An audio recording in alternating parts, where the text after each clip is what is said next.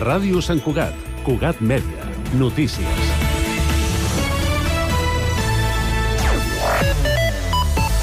Molt bon dia. Jornada històrica a Madrid aquest passat dimarts amb una sessió plenària del Congrés dels Diputats on per primera vegada la democràcia els diputats han pogut fer ús del català, l'euskera i el gallec en les seves intervencions. Els exdiputats Cugatenc Lluís Recoder de Convergència i Unió, Montserrat Cuidafons del PSC i expliquen a Cugat Mèdia la seva experiència a Madrid i com van viure la prohibició de parlar amb la seva llengua. L'exsenador Bernat Picornell d'Esquerra Republicana recorda que la Cambra Alta es permet el català en certs casos, però la indiferència dels senadors era general. De la seva banda, la senadora socialista Helena Vila admet que ella actuarà amb normalitat ara com quan va prometre el càrrec en català el 17 d'agost passat. Poden ampliar aquesta informació a www.cugat.cat.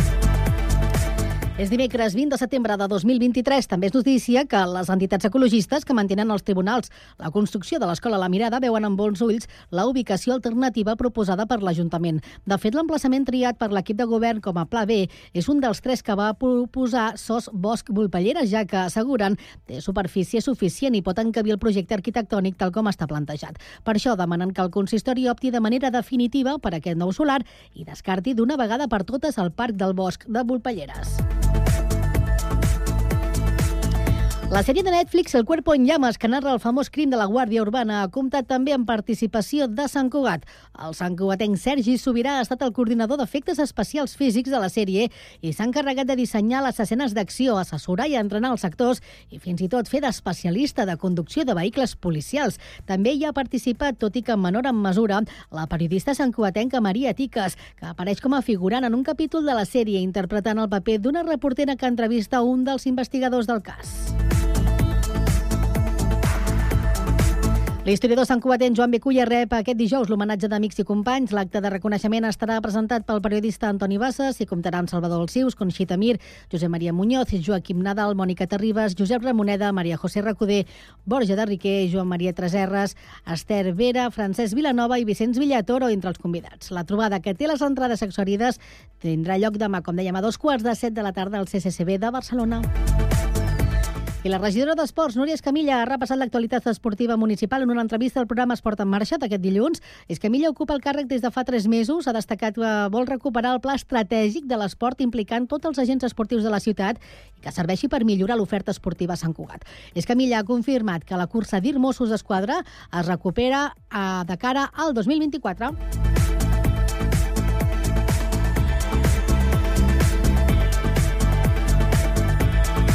Cugat Mèdia, la informació de referència a Sant Cugat.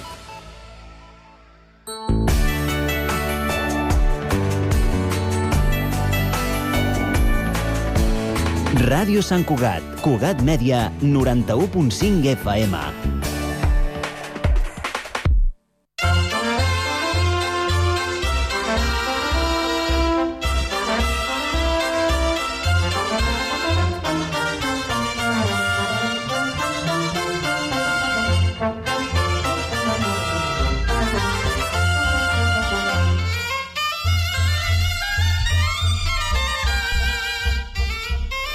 Bon dia, amigues i amics de la Sardana i de Ràdio Sant Cugat. Rebeu salutacions d'en Guillem, el control tècnic, i de qui us parla Miquel Batet, editor del programa.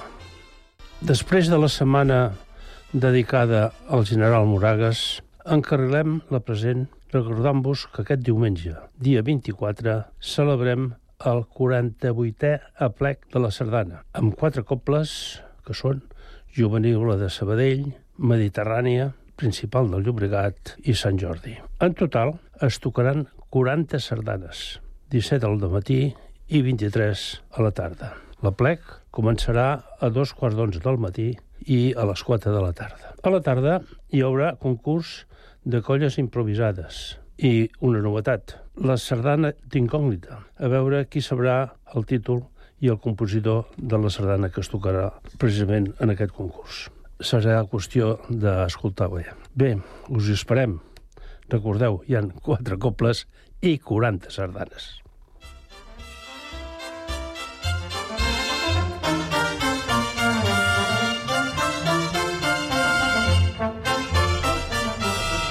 Canviem de tema. Apunteu, a partir del 2 d'octubre curset d'ensenyament de sardanes a càrrec de l'entitat sardanista. Tots els dilluns de 7 a 8 de la tarda fins al final de desembre. Grans i petits, mitjans i vells, estan tots cridats a, aprendre a ballar sardanes. Us esperem. Canviem de tema una altra vegada i us, i us parlarem de... A la plec de, de Roquetes de l'any 1992, en Jordi Sarsenedes va publicar un article sobre la sardana, que us el llegiré.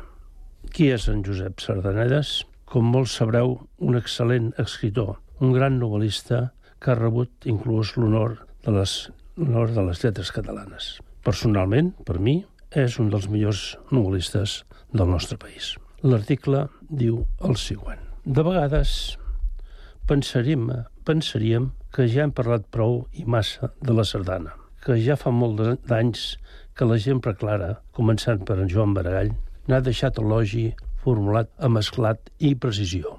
D'altra banda, sembla ben segur que allò que més s'escau a propòsit de les sardanes és decididament practicar-la, ballar-la. Quan la sardana és, un cop més, viva de debò en una plaça que salta rítmicament, ja hem dreçat un desmentiment acalparador contra l'agre desdeny que en aquest terreny, com en, com en tants altres, ens agradeix aquesta embestida d'autòdi que, per alguna misteriosa raó, els catalans, més que ningú, hem de combatre. Visca la sardana, perquè la sardana és viva. Potser tanmateix no és inútil que tot del cop que tot que un cop més ens adonem que un cop més convidem a que ens escolti adonar-se adonar de la sardana, que és i que hem volgut que sigui expressió i símbol d'un arrelament, de la perduració de la particularitat i que manifesta al mateix temps l'obertura més clara, la més senzilla vehemència d'invitació cap a la universalitat. La mà que ens ofereix, la mà que s'accepta, la rotllana que pot créixer, el ritme que sense violència germana cadascú amb tothom. Fora engrescador que, justificadament, hi poguéssim veure una metàfora del món sencer, per la qual desitjaríem, en tota la força del nostre espit i eficàcia màgica. Repetim, visca la sardana, perquè la sardana és viva. Signat Jordi Sarsenedes. Bé, passarem, una vegada llegit aquest article, passarem a les sardanes. I avui escoltarem música de compositors tan renombrats com René Picamal, Ricard Viladesau, Joan Lázaro, Conrad Saló, Agustí Borgunyó, Jordi, Joan Martí Soler, Vicenç Bou, Jordi Paulí, Josep Cassú, Josep Coll Fernando, Josep Grifé i Ramon Serrat. La primera sardana es titula A Banyoles 50 a plec. En René Picamal ens sorprèn amb aquest magnífic començament amb els curs. Vell cant de tenor en les llars i rima total al salt. Bella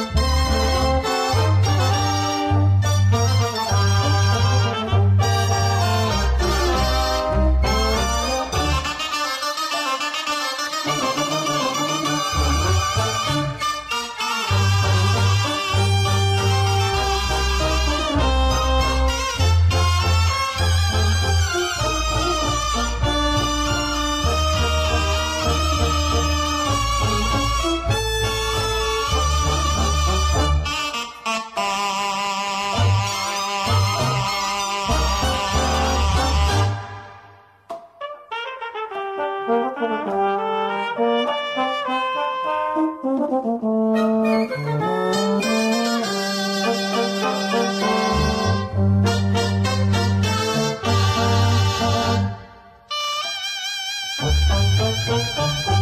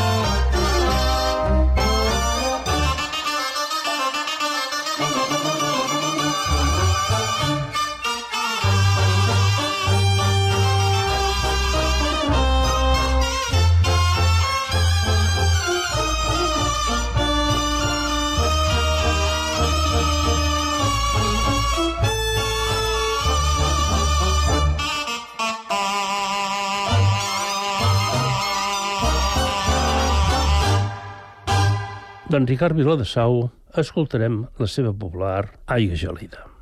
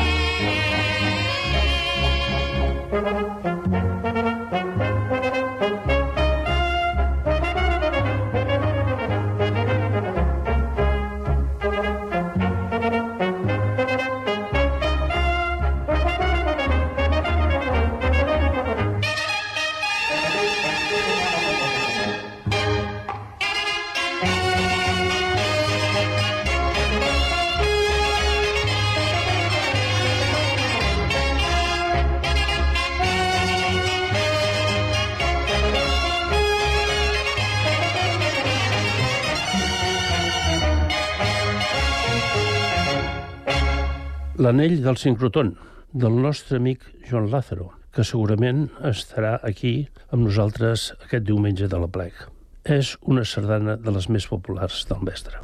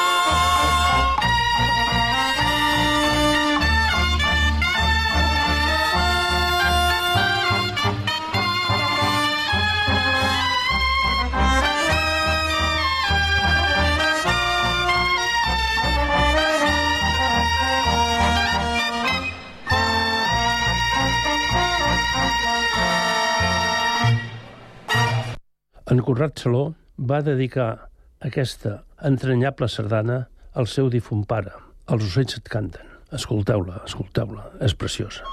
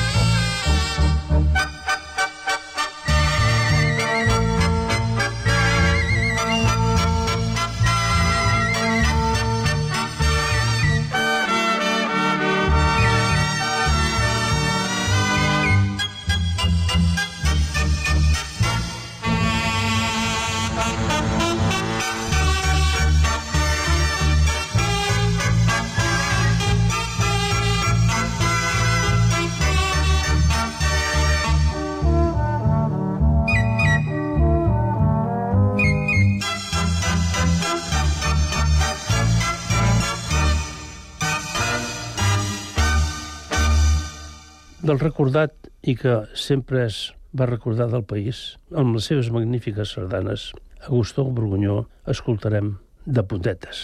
A ballar la toquen.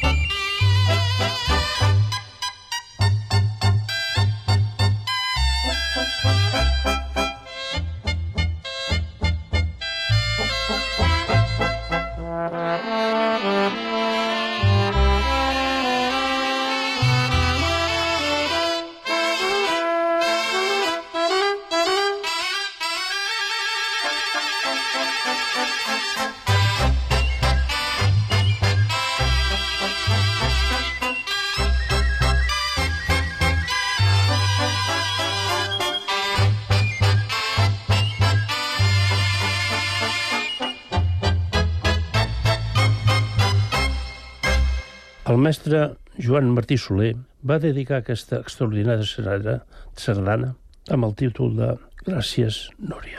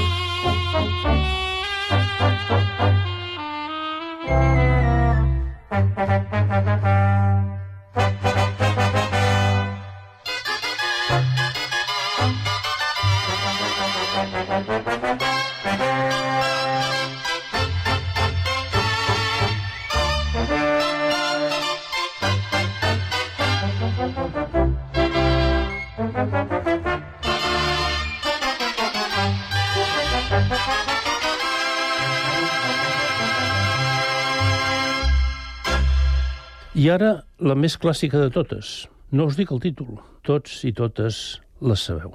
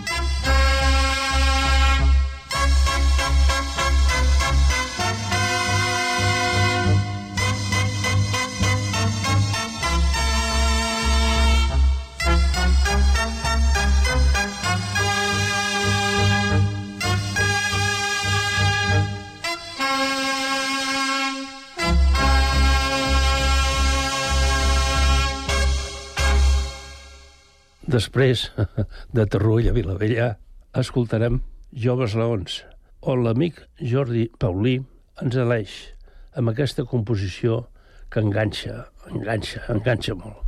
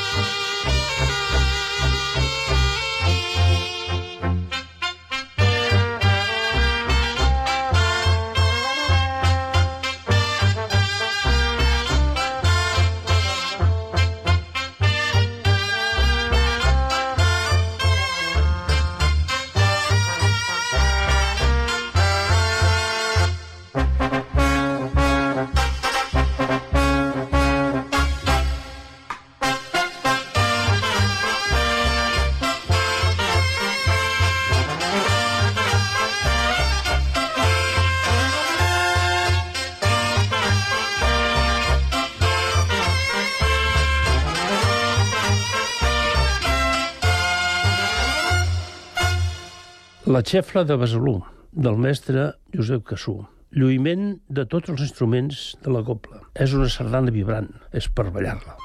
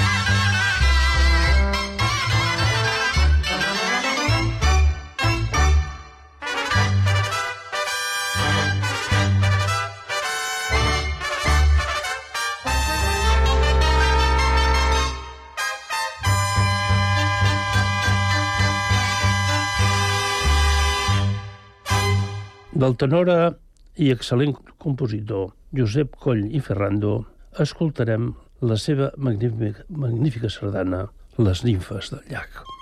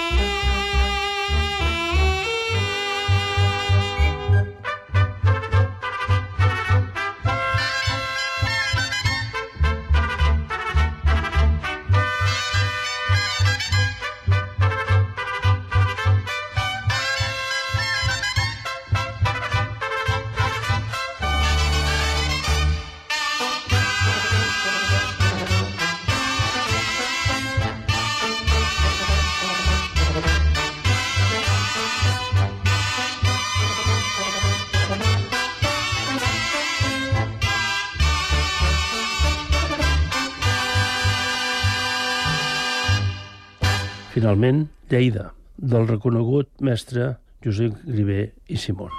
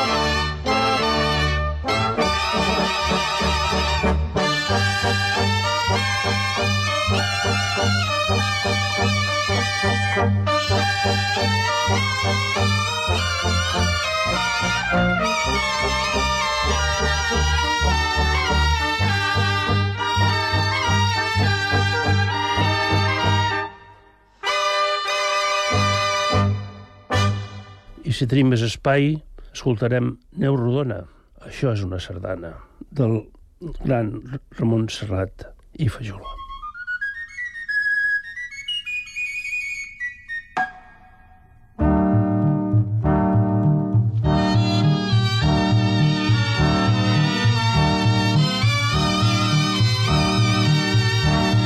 Música interpretada per la principal de la Bisbal, esperant que el programa us hagi agradat, ens despedim en Guillem al control tècnic i qui us ha acompanyat fins ara, en Miquel Gatet, en la locució. I, sobretot, sigueu feliços, escolteu i balleu sardanes. I visca la sardana i visca Catalunya.